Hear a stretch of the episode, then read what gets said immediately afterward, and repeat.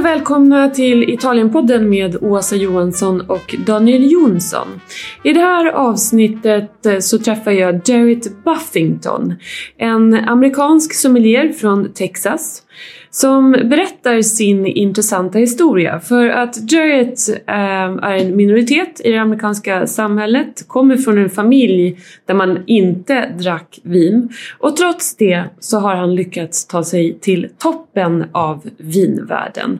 Han eh, vann ett, eller vann, han fick ett stipendium eh, för att fortsätta sina, sina studier av Gerard Bassett Foundation eh, som ni kan googla och läsa på mer om. Eh, väldigt intressant och kanske någon av er eh, är lämpad för att få det här eh, stipendiet.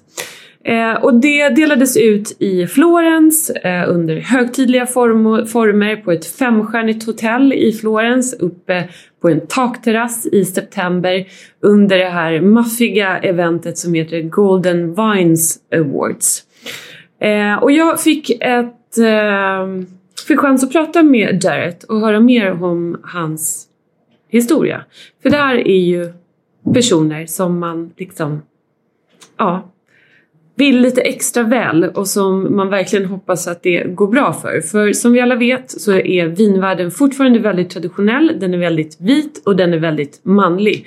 Så tack och lov för personer som Jarrett som kommer in med ny energi, ny, en annorlunda historia och bakgrund och sätter lite fart på vinvärlden som ofta kan vara lite statisk och alldeles för traditionell. Eh, men eh, möt Jarrett, hör vad han har att säga. Eh, vi hörs snart igen, jag hoppas att ni tycker om det. Ciao, ciao!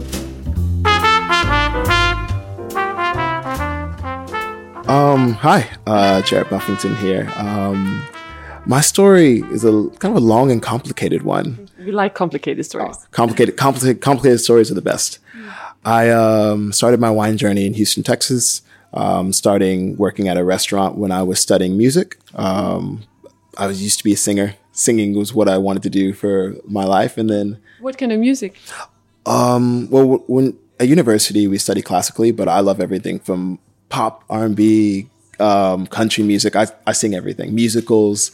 Um, that's like my first love is music. Oh, is, is, uh, and dancing too? No, I'm a terrible dancer. Okay. Can't be good at everything. Right? no good at that. Um, but then I started working at a restaurant, and I've always really loved um, culture and, and, and traveling ever since I was um, a kid. I didn't travel much, but my mom did, and I was always curious about the world. So when I started working at a restaurant, and they, you know, one of the head waiters was like, "If you really want to make money here, you need to learn about wine because mm-hmm. um, there's a big tipping culture and things like that." And um, I, but by that time, I probably have never had a glass of wine. Uh, we, I didn't grow up in a wine drinking family or anything like that. So when I first tasted this wine at this restaurant, I was like, okay, there's there's something to this. Um, Do you remember what kind of wine it was? Italian. We strange enough, it was a it was a Tuscan. It was a Tuscan blend, mm. and I had a steak, had a glass of, of this uh, of this Chianti, and I was um, or um, I think it may have been a County, may have been a, a Tuscan blend. And I was like, wow, okay. Um, then the, the head waiter started to break down the cultural significance here, you know, the Italian Renaissance and the and the the art on the on the label and and where the grapes come from. And I was like, oh, this is a, you know this lovely romance to this wine at, at the same time. So I was hooked. Uh, you know, started to enroll in, in classes and things like that. And I, I kind of dived really deep and started taking uh, the Court of Master Sommelier um, introductory, and then a year later did the certified, and and then um, then I started traveling a bit more, uh, seeing a bit more of Europe. And then one day I was kind of sick of Texas, so I moved to Seattle, and I really wanted to gain a um, you know, a, a, bit of a different wine education because I, I realize that people drink differently uh, depending on where they are. You know, um, what's the what's the difference between Texas and Seattle? Well, when you're in the Pacific Northwest, uh, people love to drink wine where they're from. And I didn't find much of it in Texas. So I really wanted to know, well, I heard about the Willamette Valley in Oregon. I hear uh, about Red Mountain in, in, in, uh, in Washington State, but I'm not finding much of these wines. So I went to the source. And so when you go to Seattle, it, it all these new wines just really opened up to me. But again, then there's this really cool cultural romance to to everything and these new stories. And again, I'm then I'm more and more hooked. Um, stayed there for half a year or so, and then Did you work in in restaurants at the time, or did you? restaurants. How did you make a living? Uh, restaurants. Uh, yeah. just um, I just transferred from the restaurant that I was working at in Texas. They had one in Seattle, so it was really smooth. Was it like high end restaurant? Oh Uh, yeah, pretty prominent steakhouse there um, called the Capital Grille. Um, pretty, pretty classic. The you know nice booths and big plates and everything. Uh, you know, Good mayo. yeah, mayo. Yeah. Mayo. Yeah, mayonnaise. N- Oh, oh gosh! Hopefully, not. I, I am, I am a, I am an avid like hater of mayonnaise. oh, really? Okay, so our path is uh, different there. no, no, no. Sorry, sidetrack. But but what? How how was their wine list? Was it like long and classical, or Um, really, um, Pacific Northwest centric. So really, Washington State, Oregon, um, um, and California. So I, I really loved that because it was a bit different. So get, I got that education there, and then I was I was really surprised that you know I never moved anywhere on my own. So I was like, okay, I could do that. And then this opportunity came to do harvest in Napa Valley. So then packed up my stuff again and I moved there. And again, I wanted to gain, I wanted to learn. Um, so this, you know, this experience in Napa Valley at Cakebread Cellars gave me this really lovely technical um, education. Because for a long time, you know, as a consumer and as a sommelier, like uh, we drink the wine, we you know we don't, but we don't have much of a connection of how that wine's being made. So this really was a really awesome bridging of a gap there, and in, it made me appreciate wine even more. The waking up in the middle of the, the night to pick grapes, you know, the the the the the, uh, the sorting table, the the messes you you make in a winery just to clean them up, you know, the the hard work. Um, made me really, really appreciate wine in a, in a different level. Um, so then that finished, went back to Seattle for a bit, and then one day woke up with this crazy idea to move to Australia. and two weeks later, I did. you're a doer? That's for sure. Oh, I just I I've just always wanted to take chances um, in life, and I've always known that I've wanted to experience things. Um, and for me, somebody who comes from where I come from and looks how I look, um, a lot of times people don't expect me to know about wine or to go the places I've been, and but that also makes me want to do them even more. Um, Be- yeah, because in like in the, the wine world is very male and it's very white. Um, still, it is changing slowly. Um, but it- do you see a, a, a change there? yeah, um, I don't know if you agree with what I said, but for like, it's very traditional. Yeah, it is very traditional, but you know there, there there are reasons why. You know, I didn't I didn't grow up in a wine drinking family, and historically African Americans didn't drink wine. Um, it wasn't you know historically it wasn't something that we were really exposed to. And then obviously there's the lot of um, system. Uh, reasons uh, why we were kind of kept out of that kind of uh, elitist circles, but it is changing, and I really love. Um, I really love being able to um, kind of assert myself into these, you know, mostly male and mostly white um, uh, wine culture, but you know, I really love that I was able to break through, but what I'm really enjoying is seeing more people of color and different um,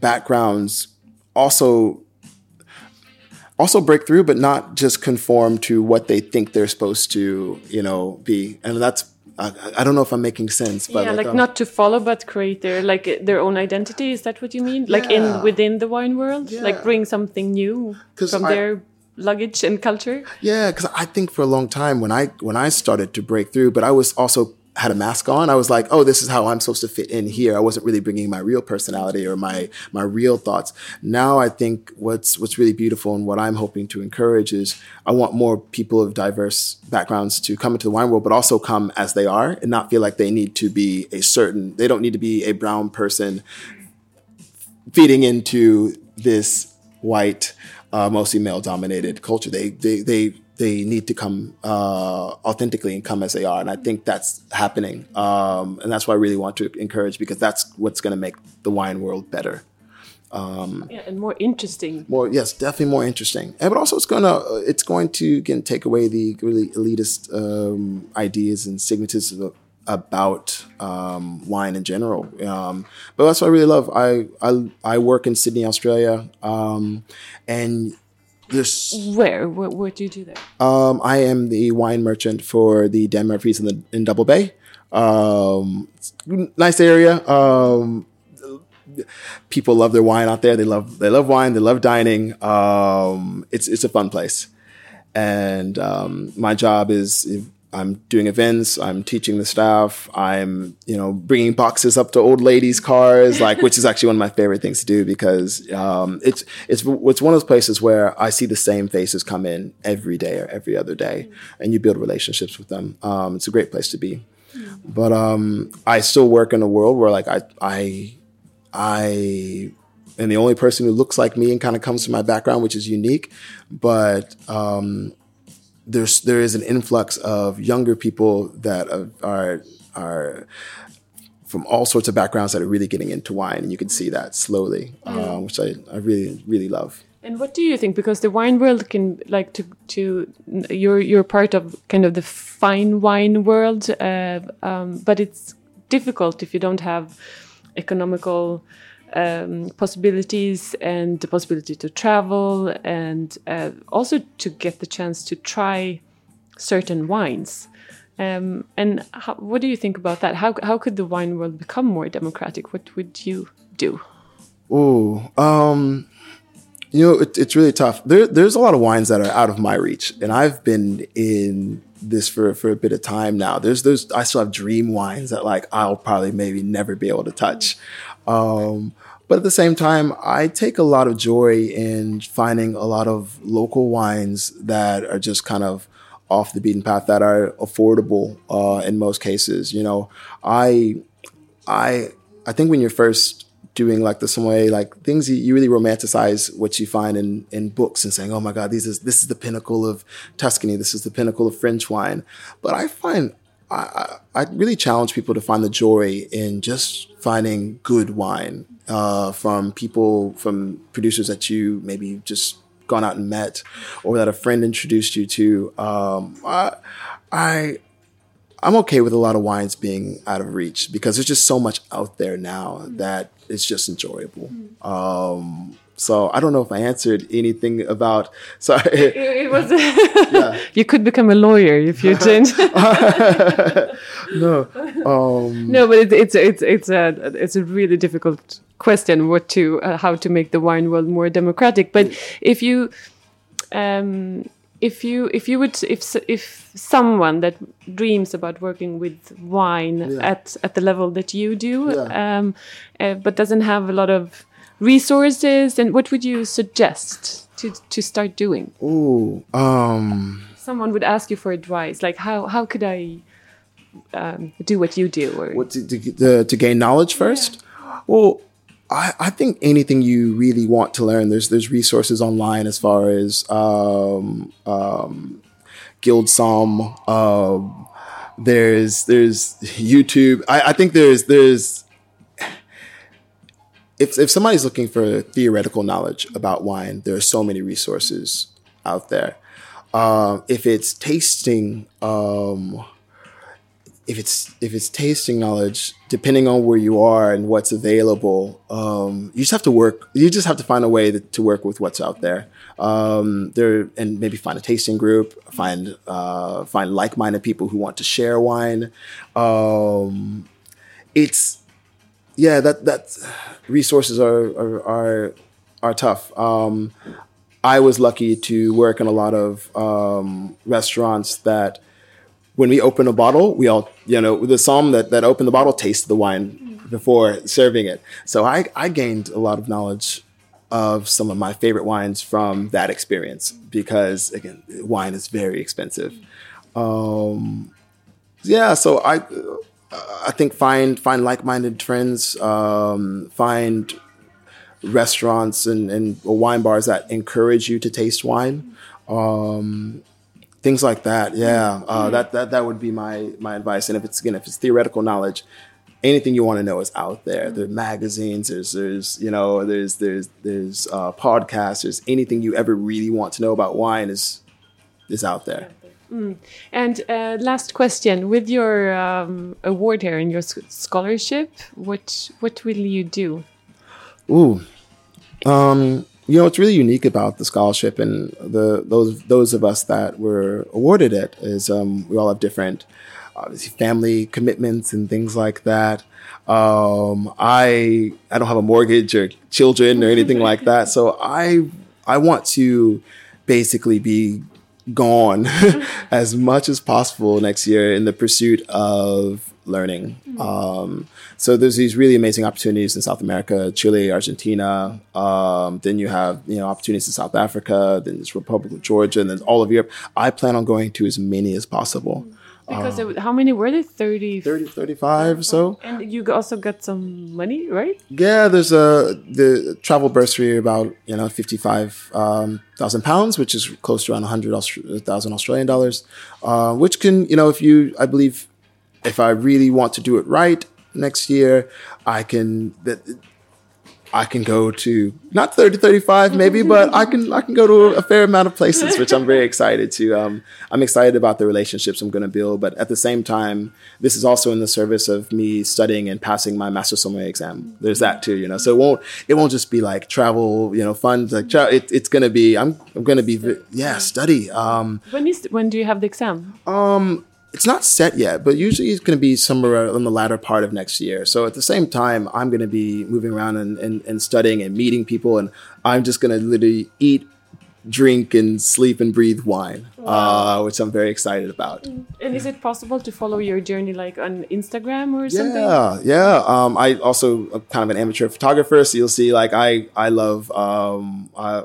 I love posting uh, cultural things that I that I shoot and people and portraits and, and stuff. So if you ever uh, you know follow Dr. Buffington, uh, Dr. Buffington, yeah, okay, you have a new follower. yeah, uh, so uh, she's I'm pretty easy to find there. Um, so um, if you ever want to follow me, so okay, great. Thank you so much and good luck. Fingers crossed for your for your exam, and we're with you. Go for it. I appreciate that. Thank you so much. Thank you.